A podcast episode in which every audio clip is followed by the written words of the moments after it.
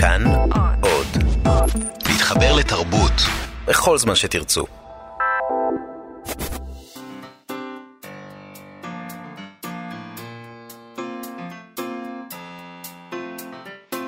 מה שכרוך עם יובל אביבי ומה יעשה לה.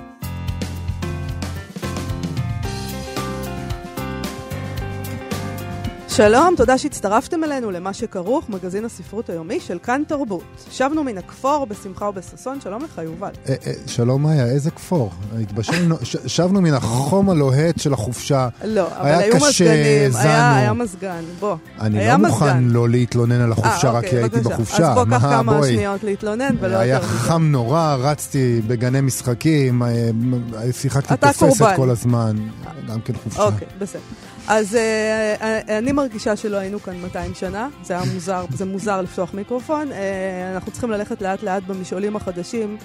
uh, שבוודאי נוצרו בשנות האור של חופשותינו. שנות אור. אם כי ש, uh, אין, אין פה משעול חדש, זאת אומרת, אתה מתלונן ואתה קורבן, זה דבר רגיל ביותר. לא רציתי... ובמובנים מסוימים כלום לא השתנה. זהו, רציתי שתהיי באזור הנוחות שלך, כדי שלא תרגישי שדברים השתנו או משהו, משהו לא, השתבש. לא הזזת לי את הגבינה.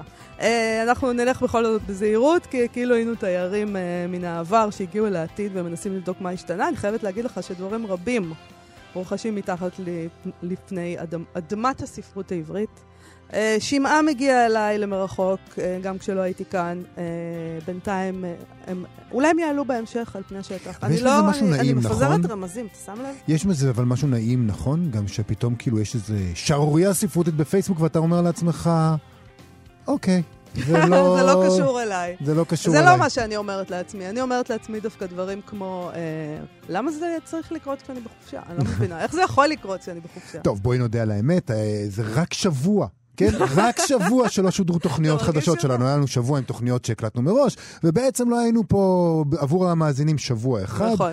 זה לא מצטער להרוס את הדרמה, אה, אבל אה, אולי זה באמת קצת הרגיש יותר. מה זה אומר שזה הרגיש יותר?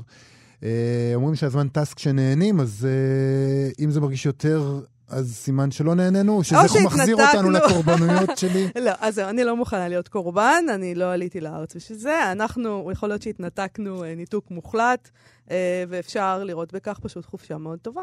אה, אני כמובן ילידת הארץ, אם לא הבנת את הבדיחה. בכל אופן, נגיד שלום גם לשלומי אה, בן עטיה וצביקה בשבקין, שעושים איתנו את התוכנית. שלום גם לכם, נעים לראות אתכם גם. נזכיר גם שניתן להזין לנו דרך אתר כאן וביישומון כאן עוד, שם אפשר למצוא את כל התוכניות שלנו ועוד מגוון תכנים מעניינים. חפשו כאן אודי בחנויות האפליקציות, אני מאוד התגעגעתי להגיד את זה. כמו כן, בואו לבקר בעמוד הפייסבוק שלנו, מה שכרוך עם יובל אביבי ומאיה סלע. נכון, מאוד. גם לזה התגעגעת להגיד? מאוד, מאוד. כי לא אמרת. עשו לנו לייק. אני אף פעם לא אומרת עשו לנו ללייק לא לייק, אני. משאירה לך את. הדברים האלה, כן. טוב, על מה נדבר היום? היום נדבר עם פרופסור חנה יבלונקה על הספר החדש שלה, ילדים בסדר גמור, שראה אור בהוצאת ידיעות אחרונות. הוא סוג של אה, ביוגרפיה דורית של אה, ילידי הארץ, דור המדינה, מה שהיא קוראת, אלה שנולדו בין שנת 1948 לשנת 1955.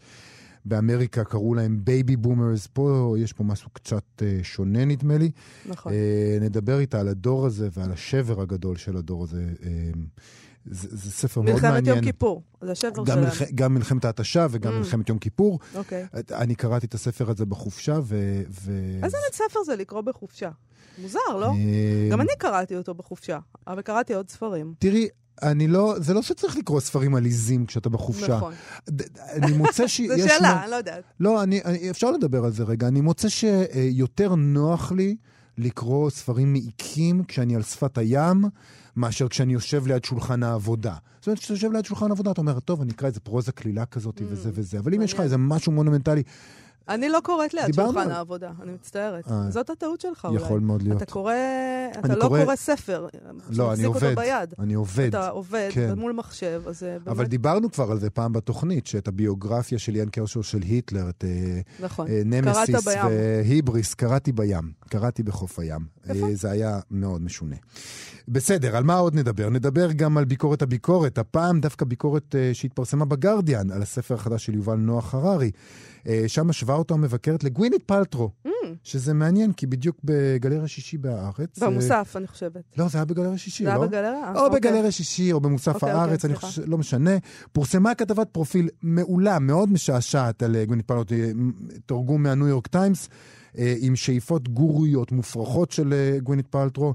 אה, זאת אומנם לא כתבה ספרותית, גונית פלטרו, אבל אני ממליץ עליה בחום, קראתי אותה ממש בהנאה גדולה. לא הכל זה ספרות בחיים, לפעמים... לא. לא, זאת כתבה, כתבה מושלמת. ממש זה פשוט מצוינת. אחת המצחיקות. מצחיקה, ו- ו- ועם זאת נכון. רגישה, היא לא היא, אנחנו לא חייבים עוד. תוכנית שתעסוק בעיתונות. ממש. אין. אלוהים, וואי, אני כל כך לא צריך עוד תוכנית שתעסוק בעיתונות. למה? אני צריכה.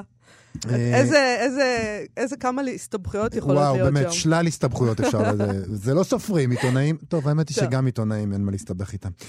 אה, אז אנחנו נדבר על יובל נוח הררי, ואנחנו נדבר גם על חנוך לוין, ויהיה לנו סטטוס אה, אה, יומי ועוד מיליון דברים. נכון, אבל בואו נתחיל עם עמוס עוז. אה, ספר חדש של עמוס עוז יוצא השבוע, זה ספר לא גדול, 173 עמודים, ובו שיחות בין עמוס עוז לשירה חדד, העורכת שלו, שיחות שכנראה נערכו ביניהם בשנים האחרונות. אה, הוא מוצג ברשת, הוא, הוא נקרא אה, ממה עשוי התפוח, מהמם. אגב. אה, ברשת הוא מוצג, מוצג כך, אה, אין לנו אותו בינתיים. מה גורם לעמוס עוז להתחיל לכתוב סיפור? איך משפיעות עליו ביקורות רעות? כיצד עיצבו שנות התבגרותו את יחסו לאירוטיקה? מה הוא חושב על השינויים הקיצוניים שהתחוללו במהלך חייו ביחסים שבין גברים ונשים? ועל מה הוא מתחרט כאב וכסופר? אה, זה קצת מהשאלות שהוא עונה עליהן שם, אה, בספר השיחות האישי הזה. מהמם. אה, ואני, לי זה נשמע מעניין. זה נשמע אה, מאוד מעניין. אוקיי. זה נשמע הוא מאוד מעניין. מבוסס על פגישות. כן. אה, מציינים שם שהספר הזה, ממה עשוי התפוח, מבוסס על פגישות שהתקיימו במשך כמה שנים בין עמוס עוז אה, לשירה חדד. היא ערכה את הספרים האחרונים נכון. שלו.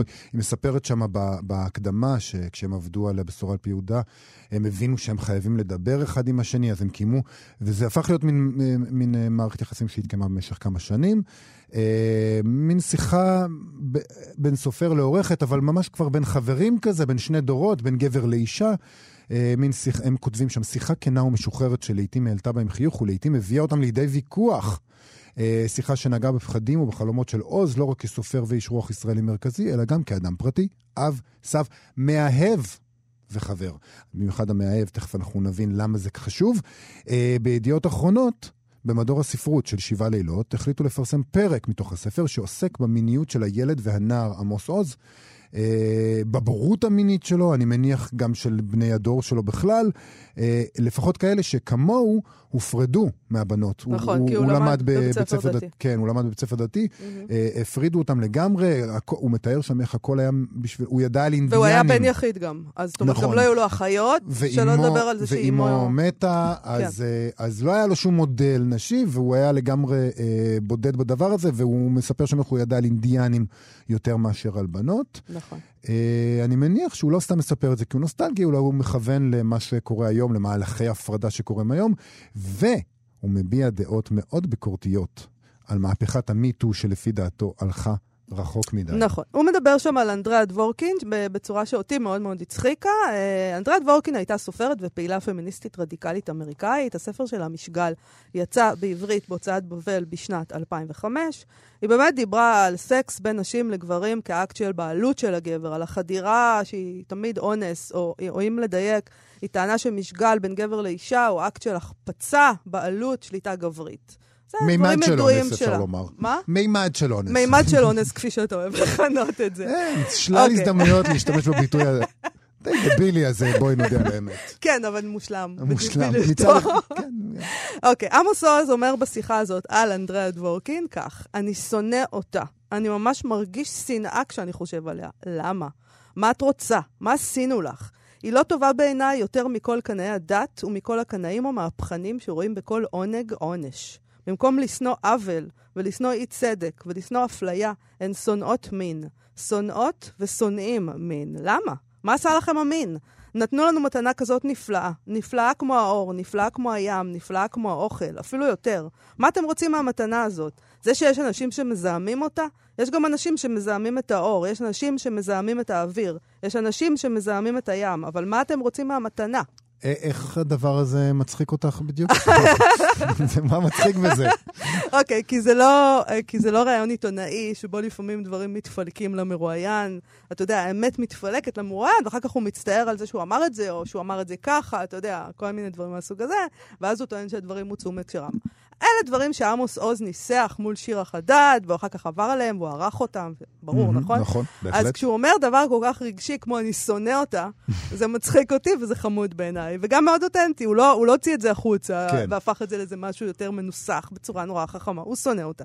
הרבה אנשים, אגב, חושבים ככה עליה ועל שכמותיה, אה, על, על הדברים האלה שאנשים כמוה אומרים, או נכון. נשים כמוה אומרות. Uh, נדמה לי שבאיזה אופן, כשנשים אומרות את המשפט הדי מדהים בעיניי, כן. אני לא פמיניסטית, כן. יש הרבה כאלה שהן מתראיינות ופתאום אומרות, לא, אני לא פמיניסטית. כן. אה, אה, הן אומרות את זה כי הן חושבות על פמיניסטיות כמו אנדרד בורקין.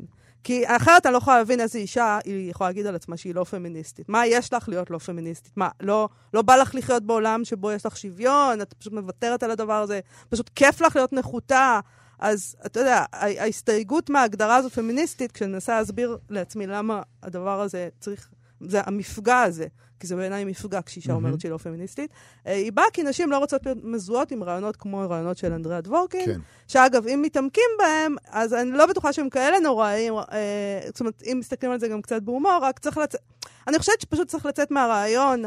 אה, שמין הוא התעלסות אה, כזאת משיר השירים, אה, סטייל אני לדודי ודודי לי. זה לא כזה דבר. לא... אנדריה דבורקין צריכה לצאת מהרעיון הזה עליה שלום, כן. ועמוס עוז ייבדל לחיים ארוכים גם. אני לא מאמין שאת אומרת uh, שזה... טוב, זה נשמע מה, כאילו מה, משהו מה? שאני אגיד, מה, כאילו, מה, מה, לתמוך מה, באנדריאה דבורקין, לא, לא, לא תומכת. חס וחלילה. אני רואה בצורה הומוריסטית את ה... אה, לא אגב, אה, אנדריאה דבורקין לא ראתה את זה בצורה הומוריסטית, לא, לא, לא, לא. ולכן אני, אני משועשעת וחושבת שזה חמוד שעמוס עוז משאיר את הדברים שלו נכון, ככה, ואומר, אבל, אני שונא אותה. אבל הוא מקבע מיתוס כזה שהיא אמרה שכל משקל הוא אונס, זה באמת לא, כמו שציינת, זה לא בדיוק מה שהיא אמרה. זה על יד. זה על יד. היא תמיד מנסה להסביר את זה, ובסוף זה נשמע ככה. זה נשמע שלא... ככה, כן. אבל דווקא בן אדם כמו עמוס עוז... אומר את זה, וואלה, אפשר לדייק את זה, אל, אל תלך לא, לפופוליזם. לא, אני אוהבת את זה. אני אוהבת שהוא כן, אומר את זה. זה. אני שונא אותה. אני שונא כן. אותה. טוב, בכל אופן, את עמוס עוז זה ממש מכעיס, הוא כותב ככה.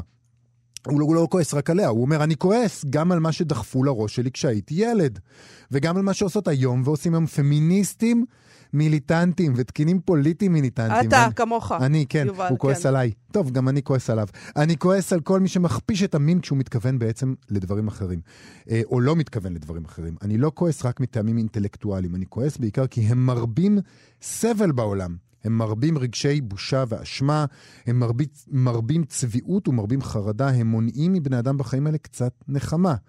החיים מלאי כאב והם תמיד נגמרים רע מאוד, זה אומר עמוס עוז. מה אכפת לך שיש בחיים האלה שלושה, ארבעה דברים שעושים טוב? למה לגזול אותם או להכפיש אותם?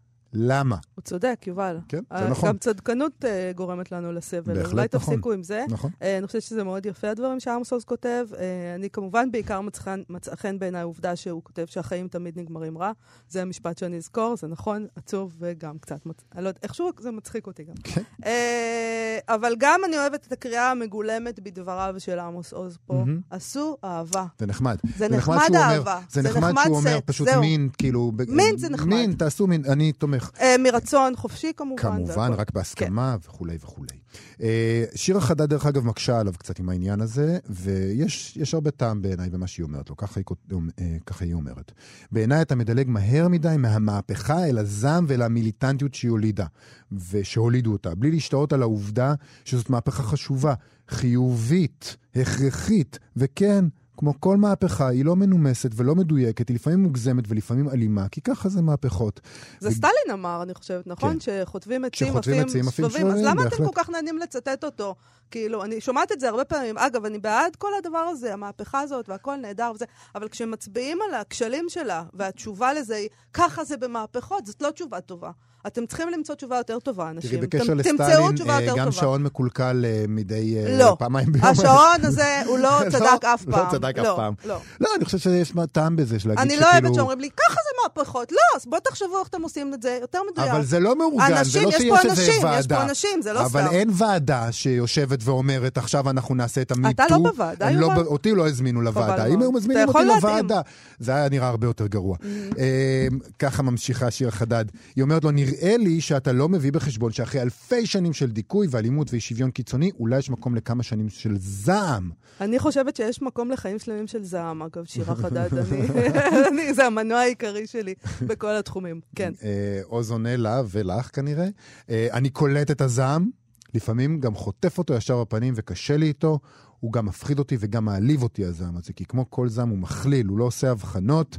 אה, אתם מול אנחנו, גם הזעם הזה וגם התקינות הפוליטית שלא פעם לובשת צורה מגוחכת של ויקטוריאניות חדשה. תלבישו גרביים לרגליים של השולחן, אחרת לגברים עוד יהיו מחשבות מלוכלכות. זהו, כזה, כן, זה ב- במרכאות. כפולות. אוקיי, אני חושבת שזה מאוד מרענן שהנושאים האלה בכלל מעסיקים את עמוס עוז, ושהוא מעז לדבר על זה כמו שכבר אסור היום לדבר על זה, בוא, בוא נודה. אה, ואם הוא היה בפייסבוק, הוא היה יודע שהוא עושה טעות מאוד מאוד מאוד גדולה, אה, ואין אין לי מה להגיד, אני, אני די מחבבת את עמוס האמת עוז. היא שגם אני מחבב את עמוס עוז. אבל, את מכירה את זה שאומרים, אני, אני לי לא אבל." גזען, אבל. אבל, ואז אתה יודע שתגיד משהו. אני מאוד מחבב את עמוס עוז, אבל. ואז אתה יודע שאני אגיד משהו שאני כן. לא- לא מחבב אותו. לא, כי הוא, אתה, הוא, הוא לא תקין פוליטית, ואתה חייב לא, פה זה ל- לא נכון. זה לא לתקן. נכון, זה בדיוק כן. הקטע, כי כי מותר להגיד את הדברים האלה כבר היום, וזה בדיוק מה שהוא מגלם. הוא מגלם בדיוק את התרמית הזאת של המיטו. שנדמה מה שגברים ליברליים, כמו עמוס עוז, שאני מאמין לו שהוא... הוא, הוא, אני מאמין לו שהוא בצד הנכון של הדברים, אני באמת מאמין לו. גברים ליברליים ממש דחפו אותה ותמכו בה, מתוך ידיעה שהיא תהפוך מהר מאוד למשהו שאפשר להגיד עליו, טוב, אה, הייתה להם נקודה לפמיניסטיות, אבל עכשיו הן כבר ממש ממש הגזימו, הן אה, לא משאירות לנו שום אה, מרחב. הגברים הליברליים האלה, שממש היו צריכים לתת לדבר הזה דחיפה קטנה ולראות איך זה מתרסק למקומות של פארסה. אה, והוא כותב אתה את זה חושב גם כן. שהגברים הליברליים נתנו לזה את הדחיפה כזה שיתרסק למקומות של פארסה? ואז הם יוכלו לקחת אתה צעד אחורה. הנה, הוא אומר אוקיי. את זה בעצמו, הוא כותב את זה גם כן בטקסט הזה. מאוד מלמד הטקסט הזה, דרך אגב, אבל הוא מדבר על אמ, לא להטריד מינית. כמובן, כמובן, כמובן, אבל אל תיקחו לי את הזכות להסתכל במבט אחד מיותר על הקופאית בסופר. מה זה המבט המיותר? אז אפשר יובל, לשאול את זה, אבל זה בדיוק מיותר? המקום שבו הגברים אומרים לעצמם, אה, חבר'ה, אל תיקחו לנו את חדר ההלבשה, זה בדיוק זה. רגע, אה, ונשים. ואם הקופאי חתיך, אני גם לא יכולה להסתכל עליו? אה, חפצון? קודם כל, לחפצן זה לא לעניין. לנשים, סליחה, מותר לעשות דברים שלגברים אסור, מצטער, אין מה לעשות. טוב. ועוד דבר שהוא אומר, אלה דברים שאני היום חושב, בעיקר בהקשר של הפמיניזם המיליטנטי, ולא בהקשר של הפוריטנים של פעם. אז הם לא הפוריטנים של פעם, הם של היום. אז עוז בעצמו מדבר על הפרדה בין בנים לבנות כעוול גדול שגרמו לו ולהרבה בנים אחרים. וזה קורה היום בעוצמה גדולה לא פחות, ואולי יותר מכל הפמיניזם המיליטנטי הזה שכל כך מפחיד אותו. טוב, אני לא בטוחה שהבנתי מה אתה אומר, אני מצטערת. אה, אני לא... אני לא, מאוד מורכב. אני, כן, משהו. רק בגלל זה אני לא מבינה אותך. אה, אני לא יודעת אם אני מבינה איך עמוס עוז מגלם את התרמית, אה, באמת, זה לא ברור, אבל נספר שכבר בפייסבוק כבר הייתה איזו סערה קטנה. אה, כי הופיעה שם הפניה לכתבה הזאת מידיעות אחרונות, שבכותרת שלה נכתב אה, ציטוט נטול הקשר מהדברים של עוז. Uh, הציטוט שהופיע שם הוא ככה, מצידי שמשרד החינוך יחלק לכל ילדי גן חובה תמונות צבעוניות, איך נראה גבר עירום ואיך נראית אישה עירומה, זה לא יפגע בהם, להפך. עוז כמובן אמר את זה באיזה הקשר, הוא דיבר בעצם על חינוך מיני שלא היה לו, אבל הטוקבקיסטים יש להם את הדרך שלהם, וכמובן הוא זוכה שם לקללות הרגילות, סוטה וכל מיני זאת אומרת. הדרך שלהם זה לקרוא את הכותרת של... הם קראו את הסטטוס וזהו, וזה ולא לחצו על כאילו- הלינק. כן. וזהו. אגב, גם אם הם לחצו, אולי הם היו מגיבים ככה, לא כן. נכון. הבת שלו, אה, פרופסור פניה עוז זלצברגר, כתבה אתמול פוסט נזעם. נכון, היא כתבה ככה. אמ, אמ, קטע מספרם החדש של עמוס עוז ושיר חדד, ממעשוי התפוח, כן, התפרסם. וכולי. הטקסט והספר כולו, היא כותבת, מזמינים קריאה קשובה ויתגמלו כל אדם חושב. חבל רק שאבא שוב טועה. שוב ושוב טועה, מתוך תמימות או תקווה, הוא משתף פעולה עם ידיעות אחרונות. היא מכנה אותו צהובון אכזרי וציני, שמציב כעת את הרשתות החברתיות בכותרת, שנתלש... בכותרת שנתלשה מהקשרה בספר ונועדה למסור את המחבר בידי הטרולים, השונאים והרוקדים על דמו. אולי כי בידיעות יודעים שבקרוב השונאים האלה יחגגו את ניצחונם המלא, ומוטב להיות בצד המנצח. היא כותבת עוד, ככה היא כותבת, פניה זלצברג. אישית אני מתחייבת כאן שלעולם לא אשתף פעולה עם ידיעות. קוראת לכולכם לבטל מנויים ולייקים. אינני קובעת דברים כאלה בקלות, אבל היא אומרת, זה מה שהיא כותבת, העיתון הזה הוא חלאה. בחזרה ל"ממה עשו את אוקיי, התפוח" היא כותבת, הספר מרתק, קראו. הדברים קשים, מאוד. היא אומרת דברים מאוד מאוד קשים, אה, טיפה קיצוניים. אנחנו אפילו, כשהלכנו לראות, אז אתה ואני גם אמרנו, טוב, טוב, זה לא אה, כזה. כותרת. הכותרת היא... בסדר. כן. כותרת, אה, אבל אני אמרתי, אולי אנחנו כבר התרגלנו פשוט לדברים מהסוג הזה. בכל אופן, פנינו לידיעות אחרונות לקבל תגובה על הדברים, והם אמרו אה, ככה, אנו מסכימים שהכותרת שניתנה בדף הפייסבוק אינה מוצלחת, לא הייתה לנו כוונה לפגוע, ולכן בעקבות דבריה של פניה עוז מחקנו אותה. אנו מתנצלים בפני עמוס עוז ומצטרפים לדברי ביתו, שהטקסט והספר ממה עשוי התפוח יתגמלו כל אדם חושב. ואני חושבת שזה מאוד מאוד יפה שהם הגיבו בצורה כזאת אה, והתנצלו וש, ושינו, ו, וכל זה עושה לנו ככה שאנחנו חוזרים מחופשה לאיזה מין תחושת שלום עולמי כזאת. לשם שינוי אני אסכים איתך, זו באמת תגובה אה, נדירה. אה, תודה לך. אה, נדבר עכשיו על ספר חדש שיצא לאחרונה, ראה אור לאחרונה, שנקרא ילדים בסדר גמור, ביוגרפיה דורית של ילידי הארץ, 1948 עד 1955. כתבה אותו פרופסור חנה יבלונקה. זה ספר שמספר את סיפורם של דור ילדי המדינה, היא קוראת לזה, לא דור תש"ח, שאלה מי שהיו בני 20, ככה, בני 30 ב-1948, אלא אלה שנולדו בשנים האלה, בין נכון. 1948 ל-1955. הישראלים הישראלים הראשונים. הראשונים, בדיוק. מי הם הישראלים האלה, איך הם גדלו ותחת איזה צל. זה הצל של ההורים שלהם, בני דור תש"ח, שצלחו את השואה ונלחמו להקמת המדינה, שהם הדור המיתולוגי ואיך זה השפיע עליהם ואיך הם השפיעו עלינו. ואני רוצה להגיד לך ש... אמ, קודם כל, זה נורא נורא עניין אותי, כי זה, זה, זה ההורים שלי. עבורי זה ההורים שלי. נכון. וזה מאוד מאוד מעניין, אימא שלי נולדה ב-1950, וזה מאוד מאוד מעניין, כי למה אני... אתה מסגיר את הגיל של אמא שלך? אולי לא רוצה שידעו. אני חושב שהיא בסדר לך? עם זה. אוקיי. אימא, אני מתנצל, ואני מקווה שזה בסדר. אבל זה הדור של ההורים שלי, ואני תמיד, לפני כמה שבועות ממש דיברתי על זה אה, עם שלומי חתוקה, אה, המשורר ואיש כאן, ואמרתי לו, איך לא כתבו על זה? זה הרי דור מכונן. הוא דור של ההבטחה. עשו אותם, כשהקימו את המדינה, מיהרו לעשות המון המון ילדים, ואז...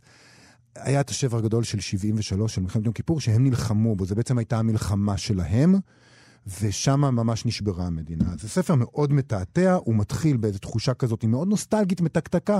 איך זה להיות ילד בשנות ה-50? מה היה שם? איזה ספרים קרו? איזה חוברות? איזה זה? זה ו- ואתה אומר לעצמך, אוקיי, כאילו זה קצת נוסטלגיה מתקתקה, ואז פתאום הוא הופך למשהו אחר לגמרי. עם תיאור החוויות של הדור הזה ממלחמת ההתשה, מלחמת יום כיפור, משהו שונה לחלוטין. נכון. בפתח הדבר כותבת חנה יבלונקה כך: היינו ילדים בסדר גמור, לא פחות, אבל גם לא יותר. מיתולוגיה לא נקשרה בנו, אין לנו שם דורי בכלל. Uh, הילדים בסדר גמור, על שם זה בעצם ה- ה- השם של הספר. Mm-hmm. Uh, פרופסור חנה יבלונקה מאוניברסיטת בן גוריון, שכתבה את הספר הזה, נולדה בתל אביב כשנתיים לאחר הקמת המדינה, היא גדלה בבאר שבע. אנחנו מכירים אותה כחוקרת השואה דווקא. בין הספרים שהיא פרסמה עד כה, מדינת ישראל נגד אדולף אייכמן, והרחק מהמסילה, המזרחים והשואה. היא משמשת גם כהיסטוריונית הראשית של מוזיאון לוחמי הגטאות, ויושבת ראש המוזיאון של היהדות הדוברת הונגרית, ויושבת ראש ועדת המקצוע ללימודי היסטוריה במשרד החינוך. שלום, פרופסור חנה יבלונקה.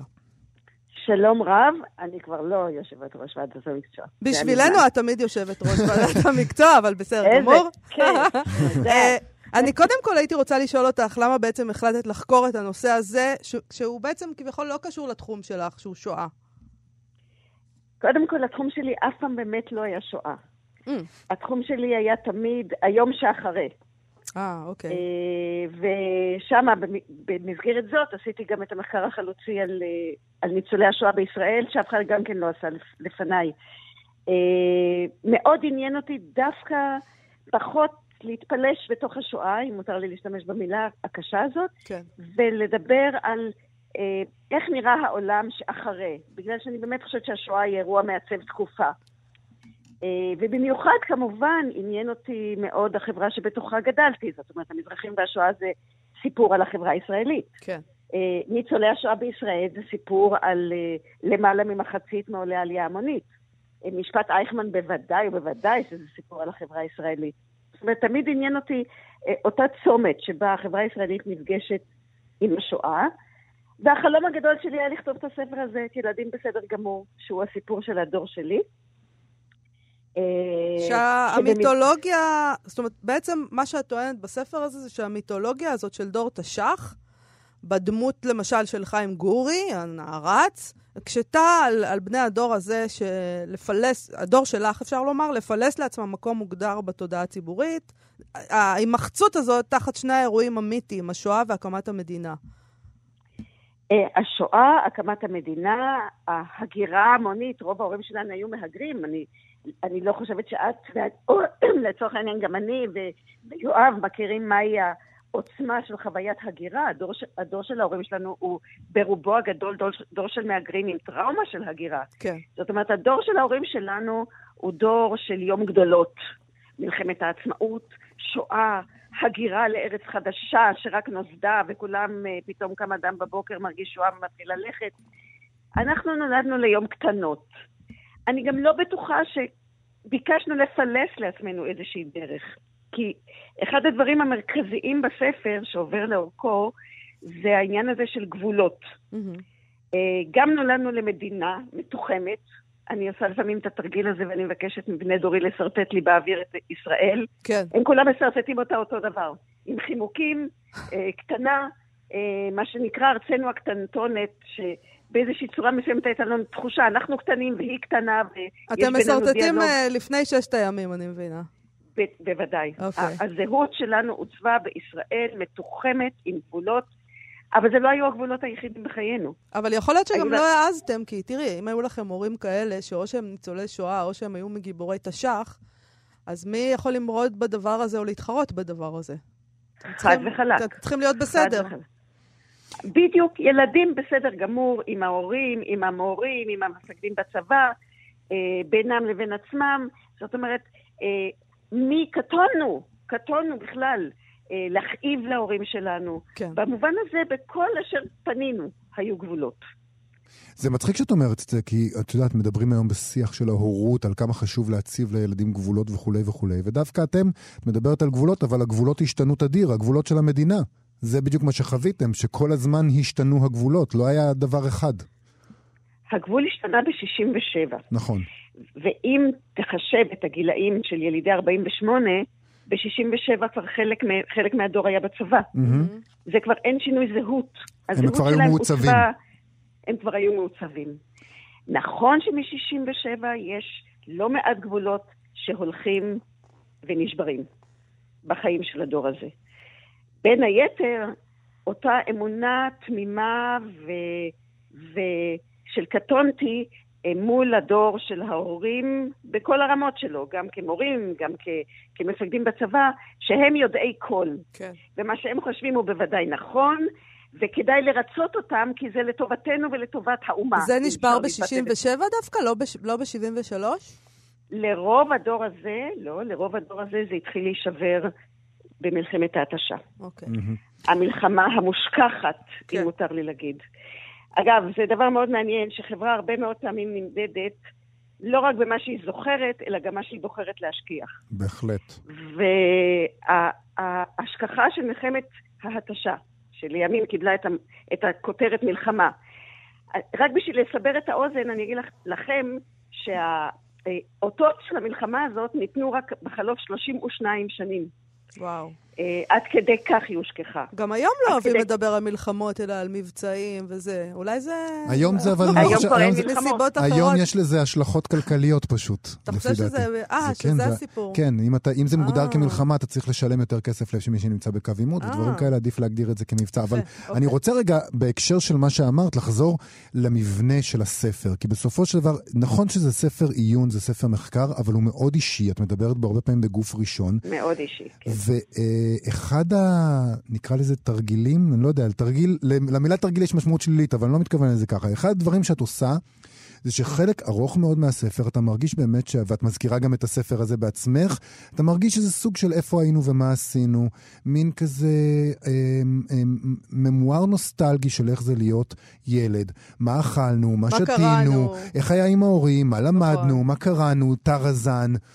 סבא. בתי קולנוע נכון. וכולי, וממש אווירה כמעט מתקתקה, משהו, נכון, יש שם קשיים, קשה מול ההורים וכולי, והמדינה התחילה ויש סצנה, אבל סך הכל מאוד נוסטלגי, ואז פתאום הגיע הפרקים של ההתשה ושל יום כיפור, וזה כאילו אתה קורא ספר אחר, אתה מקבל סתירה איומה, וזה מחייב אותך בעצם לקרוא את כל החלק הראשון בעיניים אחרות ולהגיד, לא, לא הבנתי אותו, לא קראתי אותו נכון. אוקיי. אה, איך נאמר, יש לנו נוף ילדות. נכון. ונוף ילדות שהוא מאוד מאוד שונה ממה ש... אפילו הילדים שלי גדלו לתוכו. אמ, רק העובדה הקטנה שכל בתי הקולנוע שאני מציינת בפרק על כיף ואהבה אה, לא קיימים יותר. ברחוב הזה שבו גדלתי בטרומפלדור, היו אני, למיטב זיכרוני, משהו כמו עשרה בתי קולנוע. אף לא אחד מהם לא קיים היום. בכלל המעמד הזה של הליכה לקולנוע. עכשיו, זה היה דור מאוד לא תקשורתי, והכי חשוב שאני רוצה לציין, זה היה דור מאוד ישראלי. זה נכנס להרבה דיונים שמתנהלים היום סביב אה, חוק הלאום, על הישראליות והיהודיות. אנחנו היינו דור ישראלי. חיינו על פי לוח השנה היהודי, אבל היינו דור ישראלי. כן. ואני רציתי לספר במה התבטאה הישראליות שלנו. לא נסענו לחוץ לארץ, למשל. לא, הכרנו, הכרנו את המושג חוץ לארץ, כי כל מה שלא היה פה היה חוץ לארץ. כן. ולא היה אה, הרבה, וגם אנשים לא יכלו להרשות לעצמם לנסוע לחוץ לארץ. נכון. עכשיו, כשאני מספרת על מכוניות פרטיות שלא היו בבית, אה, בכלל, עד 68' גם לא היה לנו חוץ לארץ דרך הטלוויזיה. כי השידור הראשון של טלוויזיה היה ב-68'. אה, זאת אומרת, רוב ילדותנו עברה עלינו באמת בצורה מאוד ברורה בכל מה שמתרחש פה. מי שנסע לחוץ לארץ זה היו יוצאי דופן. המושג חוץ לארץ, שאנחנו מדברים אותו היום, איזה חוץ לארץ? אנשים קופצים ליומיים לפריז. נכון. אנשים נמצאים היום בפריז לפני שהם ראו את חדרה. אה, בכוונה נכון, אני אומרת את נכון. הדבר הזה. זאת אומרת, אלה הילדה מלפלנד, אלה קארי הילדה מלפלנד. כן, נורי קוסן, הילדה מיפן. בדיוק, זה היה אקזוטיקה. זאת אומרת, הכל היה פה, בפנים.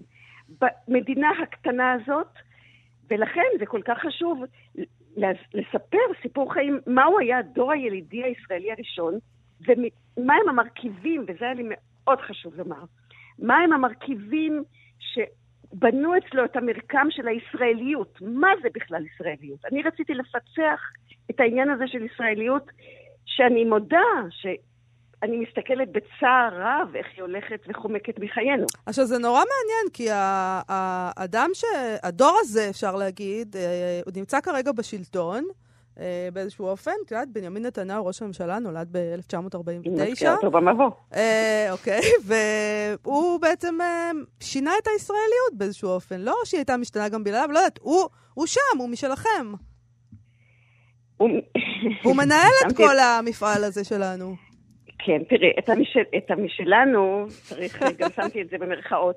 מבחינה אה, דורית, אני מתכוונת. כן, אבל אל תשכחי שבנימין נתניהו, אה, את ימי נערותו, אה, וגם בחרותו, לא חי פה. נכון. זאת אומרת, אנחנו, אין לנו, למשל, אנגלית כל כך משופשפת כמו שלו. כן. רוב, אגב, אני, אם מותר לי מילה אחת של נוסטלגיה, אם מותר, לא נוסטלגיה, אבל עובדה שכשהיינו שומעים את להקות הקצב, שבזמנו היו שרות אה, שירים לועזיים, זה בשלהי שנות ה-60, זה בכלל לא אנגלית, הם שרו באיזשהו ג'יבריש, שהם קלטו את האנגלית לפי המוזיקה שלה. כן. זה היה מאוד מצחיק, שאני שומע, נזכרת היום איך, איזה מילים המצאנו באנגלית בשביל לשיר את קליף ריצ'ארד או את אליס פרסלי או את הצליות, אתה פתאום קולט שזאת לא הייתה אנגלית. ובגלל זה יש אנגלית משופשפת, למעשה אולי האנגלית שלו יותר, הוא מרגיש בה יותר בנוח מאשר בעברית. אולי הוא באמת אה, שייך, אפשר להגיד שהוא שייך ל baby boomers, שזה בעצם הדור שלכם בארצות המערב, בארצות הברית, במערב אירופה. אה, הדור שלכם מבחינת השנים, אבל הוא מאוד מאוד שונה מכם. זאת אומרת, הוא זה דור שונה. שגדל לשפע, יש טלוויזיות בבית, מרדנות, אה, מין חופשי, רוקנרול, הגלולה למניעת הריון. כל זה פסח עליכם באיזשהו אופן. לגמרי. הפסדתם את כל הכיף, חנה, אין לי מה להגיד. לא, היה כיף מאוד גדול. היה כיף? אבל היות היה כיף מאוד גדול, תראי, אני גדלתי על הים בתל אביב, היה כיף מאוד גדול, והיה, זה שהיה לנו העולם שלנו, של הילדים, היה גם עולם של המבוגרים, זה בסדר, היה כיף. אני באמת, כי גדלנו בביטחון עצמי, היה לנו באמת תחושה, אני זוכרת את, אני כותבת הרבה על חגיגות העשור, כי זה אחת מתחנות ההגינה של הספר. כן. חגיגת העשור ישראל הייתה החגיגה הכי שמחה בכל ימי העצמאות של מדינת ישראל. באיזו תחושה של ביטחון קיומי, שאחרי הנסיגה מסיני, שהגיעו הכספים מגרמניה, הייתה תחושה שאף אחד לא יכול עלינו. ולכן, אולי אני רוצה לומר מילה אחת על איפה בכל זאת אה, מגולמת המחאה של הדור. אוקיי. המחאה של הדור מבוטאת בצורה החזקה ביותר במכתב הקצינים. גם מכתב השמיניסטים, אגב. Mm-hmm. זה כבר הדור, וזה מתקשר למלחמת ההתשה. מכתב השמיניסטים הראשון, שמטיל ספק בזה שעושים הכל בשבילנו לפני גיוסנו, כמעט כל חותמיו היו אחר כך בחילות קרביים, שלא יהיה שום ספק, כן. כי אנחנו בכל זאת נשארים ילדים טובים. אה, אבל אולי הסיפור הכי חזק נעוץ בתוצאות של מלחמת יום כיפור על הדור הזה, שהוא כנראה שילם את המחיר הכי חזק והכי גדול אה, בדור הזה. המחאה של נוטי אשכנזי היא לא המחאה של הדור הזה, היא מחאה של אנשים יותר מבוגרים, והיא הייתה כולה, התקפלה ברצון לסלק את משה דיין מהשלטון. Mm-hmm. המחאה של הדור שלנו תבוא בערך אה, ארבע שנים יותר מאוחר, והיא תבוא במכתב הקצינים, אה, אחרי הביקור של סאדאת, כשיש תחושה ש, אה, שבגין הולך וממסמס את אה, תהליך השלום עם אנואר סאדאת, ואז מת, מתכנסים 364 קצינים, תופעה חסרת תקדים. כמעט כולם, עד האחרון שבהם, הם דור אה, דור ישראלים בסדר גמור, ילדים בסדר גמור, והם חותמים מכתב, ש, אה, מכתב של קצינים, שבו הם דורשים שיתנהל תהליך שלום. המכתב הזה הוליד את תנועת שלום עכשיו. אם יש תנועה שמאפיינת את הדור הזה, זה תנועת שלום עכשיו, mm. כי בעצם הכמיהה היא להיות חלק מהמרחב האזורי שבו גרים, לחזור לנורמליות, לחזור לישראליות כפי שהם חוו אותה באותם שנות החמישים, ומבחינה זאת, יש בזה כיף. כן, אבל uh, אני לא יודעת, אני חושבת לא שאתם uh, זה, אתם נכשלתם. לא הצליח, עדיין. להגיד, כן. אבל אולי עוד תצליחו. uh, פרופסור... הספר, ספר מרתק, ספר ילדים מרתק. בסדר גמור, הוצאת uh, ידיעות ספרים בעריכת עליזה ציגלר. תודה רבה לך, פרופסור חנה יבלונקה. תודה רבה. תודה רבה לכם. להתראות. Uh, פינת ביקורת או ביקורת, אליה מאוד התגעגעתי. אני רוצה לדבר פעם על ביקורת מהגרדיאן, דווקא על ספר שעוד לא יצא בארץ, אבל כתב אותו פרופ... פרופסור יובל נוח הררי שלנו. אה, אה, 21 שיעורים למאה ה-21. זה נכון. שם אה, הספר. הוא אמור לצאת עוד מעט. לא, ממש עכשיו, לפי דעתי באוגוסט, אוגוסט, ספטמבר הוא יוצא כן? בישראל. אוקיי. הוא מתורגם כרגע לעברית, או משהו. לא, אני נדמה שכבר סיימו, ממש עוד כן? כן, כבר קיבלתי הודעות. אה, ממש בחור... אה, לי לא שלחו הודעות. כנראה הוא לא... אני אמר, קראתי לו שלנו, והוא בעצם לא שלי בכלל. אוקיי. הוא שלנו, הוא שלנו. תשמעי, הביקורת הזאת קטלנית למדי. כתבה אותה הלן לואיס, וכך היא כותבת בתרגום חופשי שלנו. נכון. הקריירה של יובל נוח הררי היא אגדה מולית. אקדמאי ישראלי לא מוכר כותב ספר על ההיסטוריה של האנושות בעברית. הספר מתורגם לאנגלית בשנת 2014 ונמכר ביותר ממיליון עותקים. מרק צוקרברג מפייסבוק כולל אותו במועדון הספר שלו בשנת 2015. רידלי סקוט רוצה להפוך אותו לסדרת טלוויזיה. ברק אובמה אומר שהספר נתן לו פרספקטיבה על הדברים שאפשרו לאנושות לבנות ציוויליזציה יוצאת דופן. המכירות של הספר מטפסות עוד כאשר הוא מוזכר ב Love Island? שזאת סדרת dating ריאליטי בריטית כלשהי. ש... אה. בכל אופן, אני מדברת כאן על הספר הראשון שלו כן, כמובן, כן, כן. קיצור תולדות האנושות. אה, עליו היא אומרת שהוא היה נועז וקליל ומרתק. כך חשב ברק אובמה וב Love Island. לאב איילנד זה, זה דייט בחשיכה כזה כן, או משהו. כן, אז ברק אובמה ו Love Island זה שני הרפרנסים של הספר. כן. בסדר, היא ממשיכה. לא, זה מראה כמה שזה נכנס נכון, לתרבות נכון, הפופולרית. לכל כן. הדרגות. הזאת. אה-הא. היא אומרת שהספר החדש נותן אה, קונטקסט לנושאים כמו פייק אה, ניוז, שליטים סמכותנים כמו דונלד טראמפ, קונטקסט של המאות הקודמות וההתפתחות הביולוגית והחברתית שלנו, או כמו שאובמה הגדיר את זה, היא אומרת שזה בהחלט נותן פרספקטיבה. וכאן היא כבר מתחילה ללגלג על הדבר הזה, וככה היא כותבת. איוון היום כנראה היה, ובכן, יותר היום מטראמפ. כפיים. כן, היא כותבת ככה: כל הנושאים הקלאסיים שבהם הוא מתעסק עולים גם כאן. הדת יכולה להיות רעה, אבל יש לה את היתרונות שלה. הלאומיות יכולה להיות רעה, אבל יש לה את היתרונות שלה. הליברליזם הוא טוב, אבל נמצא תחת איום. לא, זה נשמע כמוך, יובל. uh, התפתחויות טכנולוגיות מביאות שאלות אתיות גדולות, וכמובן, השאלה הגדולה, איך חיים בעידן שבו הסיפורים הישנים קרסו, ואין סיפור חדש שיתרומם ומחליף אותם. במה נאמין עכשיו? ובכן, התשובה שלה היא כמובן מאוד מצחיקה. היא אומרת, נאמין בגווינית פלטרו וביובל נוח הררי כמובן. נכון, זה מה שהיא כותבת. אחת מהתשובות, אם כי זה לא מה שמציע הררי בספר, היא גורואים. מעמד חדש שיצרנו, גורים שכל אחד מהם לצרכינו. לאישה נוירוטית מהמעמד, מהמעמד הבינוני יש גווינט פלטרו שמבטיחה הערה באמצעות אידוי יוני, שאם קראתם את הכתבה עליה, אתם יודעים בדיוק מה זה, אם אתם לא קראתם את הכתבה... אז תקראו. או תקראו, זה נמצא תעשו, במוסף הארץ. תעשו גוגל, נכון. אה, אנחנו לא נגיד את זה ברדיו. לא. אה, ודיאטה, אידוי יוני ודיאטה. Mm-hmm. אה, לגברים צעירים וכועסים היא כותבת, יש את ג'ורדן פיטרסון, שהוא פסיכולוג קנדי שגם כתב ספרים פופולריים, אבל גם דיבר מאוד בביקורת נוקבת על התנועה הפמיניסטית. אה, היא כותבת שהעצות הבנאליות שלו על איך לסדר את החדר שלך אה, באות בהסוואה של קשקוש יונגיאני, ו... לאנשים ששגשגו בבית הספר ולא מבינים למה זה לא גרם להם אושר, יש את הררי. וואו, זה ממש אתה. זה בדיוק אני. זה פשוט, אתה חייב לקרוא את הספר החדש של יובל נוח הררי. כן, זה כנראה אני. אולי זה מה שיציל אותי, הגורו החדש שלי. אה, היא כותבת, הספרים שלו עושים שימוש בפסיכולוגיה אבולוציונית כעזרה עצמית. Uh, היא טוענת שמדובר באסופת מסות רופפת, שחלקן מבוסס על מאמרים שהררי פרסם בעיתונות, בניו יורק טיימס ובבלומברג uh, ועוד, וזה הניב תוצאה משונה לדעתה. כדוגמה, היא נותנת את הטענה של הררי שליהדות יש תפקיד צנוע בתולדות המין האנושי, והיא כותבת שזה נראה כמו איזו אמרה אקראית, עד שהיא הבינה שהטקסט הזה התחיל כטקסט שפורסם בעיתון הליברלי הישראלי, הארץ. הארץ. היא מלגלגת שם על כל מיני דברים אה, מאוד בנאליים שהררי כותב, אה, כאילו הם איזה מין תגלית. למשל על כך, הוא כותב שם שאולי צריך סוף סוף, אתה יודע, בגלל שהמכונות מחליפות את האדם, כן. וכל התגלית הגדולה הזאת, שבעצם לא צריכים אותנו יותר, אז למשל הוא מציע הצעה, אולי צריך סוף סוף להכיר בכך שגידול הילדים... אה, הוא דבר ששווה כסף, כי זה דבר חשוב, וגם זאת עבודה של ממש. היא כותבת, לך תספר את זה לתנועה הפמיניסטית, זה ממש יפוצץ להן את המוח. זהו, זה דבר חדש. זה רעיונות כאלה כש... זה דבר חדש כי זה פתאום קורה לגברים.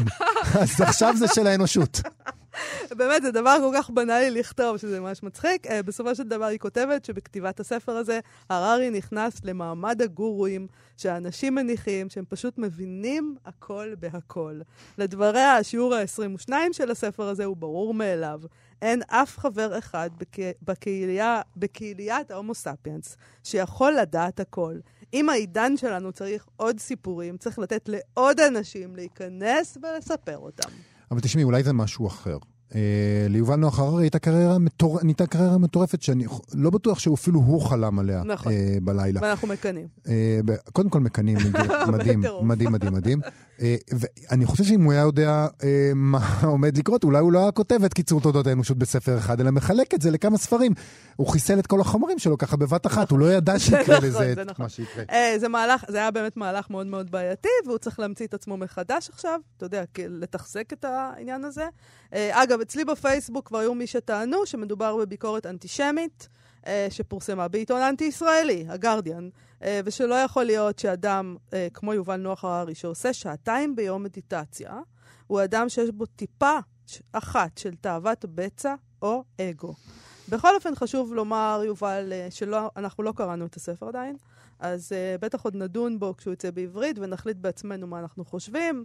Uh, בינתיים אני יכולה לומר שזו פינת ביקורת הביקורת, כן. ומהביקורת נהנינו מאוד. נכון, זו ביקורת מאוד מצחיקה.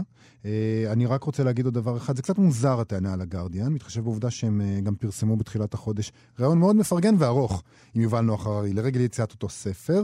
ובכלל הטענה הזאת שהאג'נדה של העיתון אה, מכתיבה את הביקורת היא מפלטו של הבלתי יודע לספוג את הביקורת, כן? במקרה הזה כנראה רגש לאומי חם שמתייחס ליובל נוח הררי כאל נכס ציוני ונלחם את עלבונו בשם כולנו. אז לא, זה יכול להיות שהיא לא אהבה את הספר.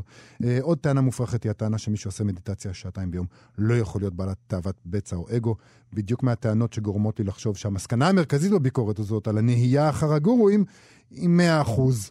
בול. ואולי צריך להביא לכאן את עמוס עוז, שבאותה כתבה בידיעות אחרונות אומר בספר החדש שלו, אה, גם שיש לו חוש ריח לפנאטיות. אולי. אוקיי, okay. אז uh, אני מציעה שלסיום אנחנו נעשה סטטוס ספרותי. כן. Uh, יש איזה עוד עניין uh, עצוב שרכש אצלי בפייסבוק ביומיים האחרונים, אחת החנויות הפרטיות הוותיקות בתל אביב, הייתה חנות ספרים בבאזל. כן. חיים טלר, הבעלים של החנות, הלך לעולמו, והיו לא מעט אנשים שנתמלאו צער ב- על הדבר הזה והספידו אותו, ואני רוצה להקריא לך uh, דבר שכתבה סילבי קשת. כן. אה, אבלה על מותו של חיים, הבעלים של ספרים בבאזל, החנות הקטנה, הגדולה, המטריפה.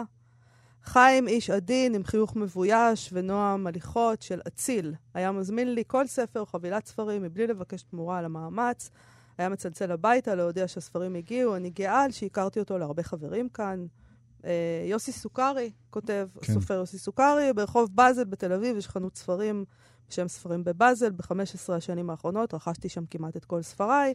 מדוע אני כותב זאת עתה? משום שחיים, הבעלים של החנות, הלך היום לעולמו בגיל צעיר. חיים היה מאיר פנים, אני עם טעם עדין, רגיש, עמוק. כלומר, הקוטב הנגדי של ישראל הנוכחית. להיכנס אליו לחנות היה מבחינתי לקחת הפוגה מהוולגריות של הספירה הציבורית. חיים, אני אוהב אותך מאוד, תודה על הכל. אה, זהו, אנחנו נסיים עם הדבר הזה. נכון, אנחנו אה, סיימנו. ברוך דיין אמת. אה, עם הדבר העצוב הזה סיימנו להיום. אנחנו נהיה שוב מחר עם כל הדברים שלא הספקנו היום. כן. אה, אתם מוזמנים להוריד את האפליקציה כאן עוד, שבה יש את כל התוכניות שלנו ועוד מגוון של תכנים מעניינים. חפשו כאן אודי בחנויות האפליקציות, וגם נזכיר לכם להיכנס לעמוד הפייסבוק שלנו, מה שכרוך עם יובל אביבי ומאיה סלע. אה, אתם יכולים גם לשלוח לנו הודעות שם, חלקכם כבר עשיתם את זה במהלך התוכנית. אנחנו נשתדל להקריא בתוכניות שלנו טיפה יותר זמן. אה, נגיד תודה לצביקה בשבקין ושלומי בן עטיה שעשו איתנו את התוכנית, תודה רבה. נתראה מחר. להתראות.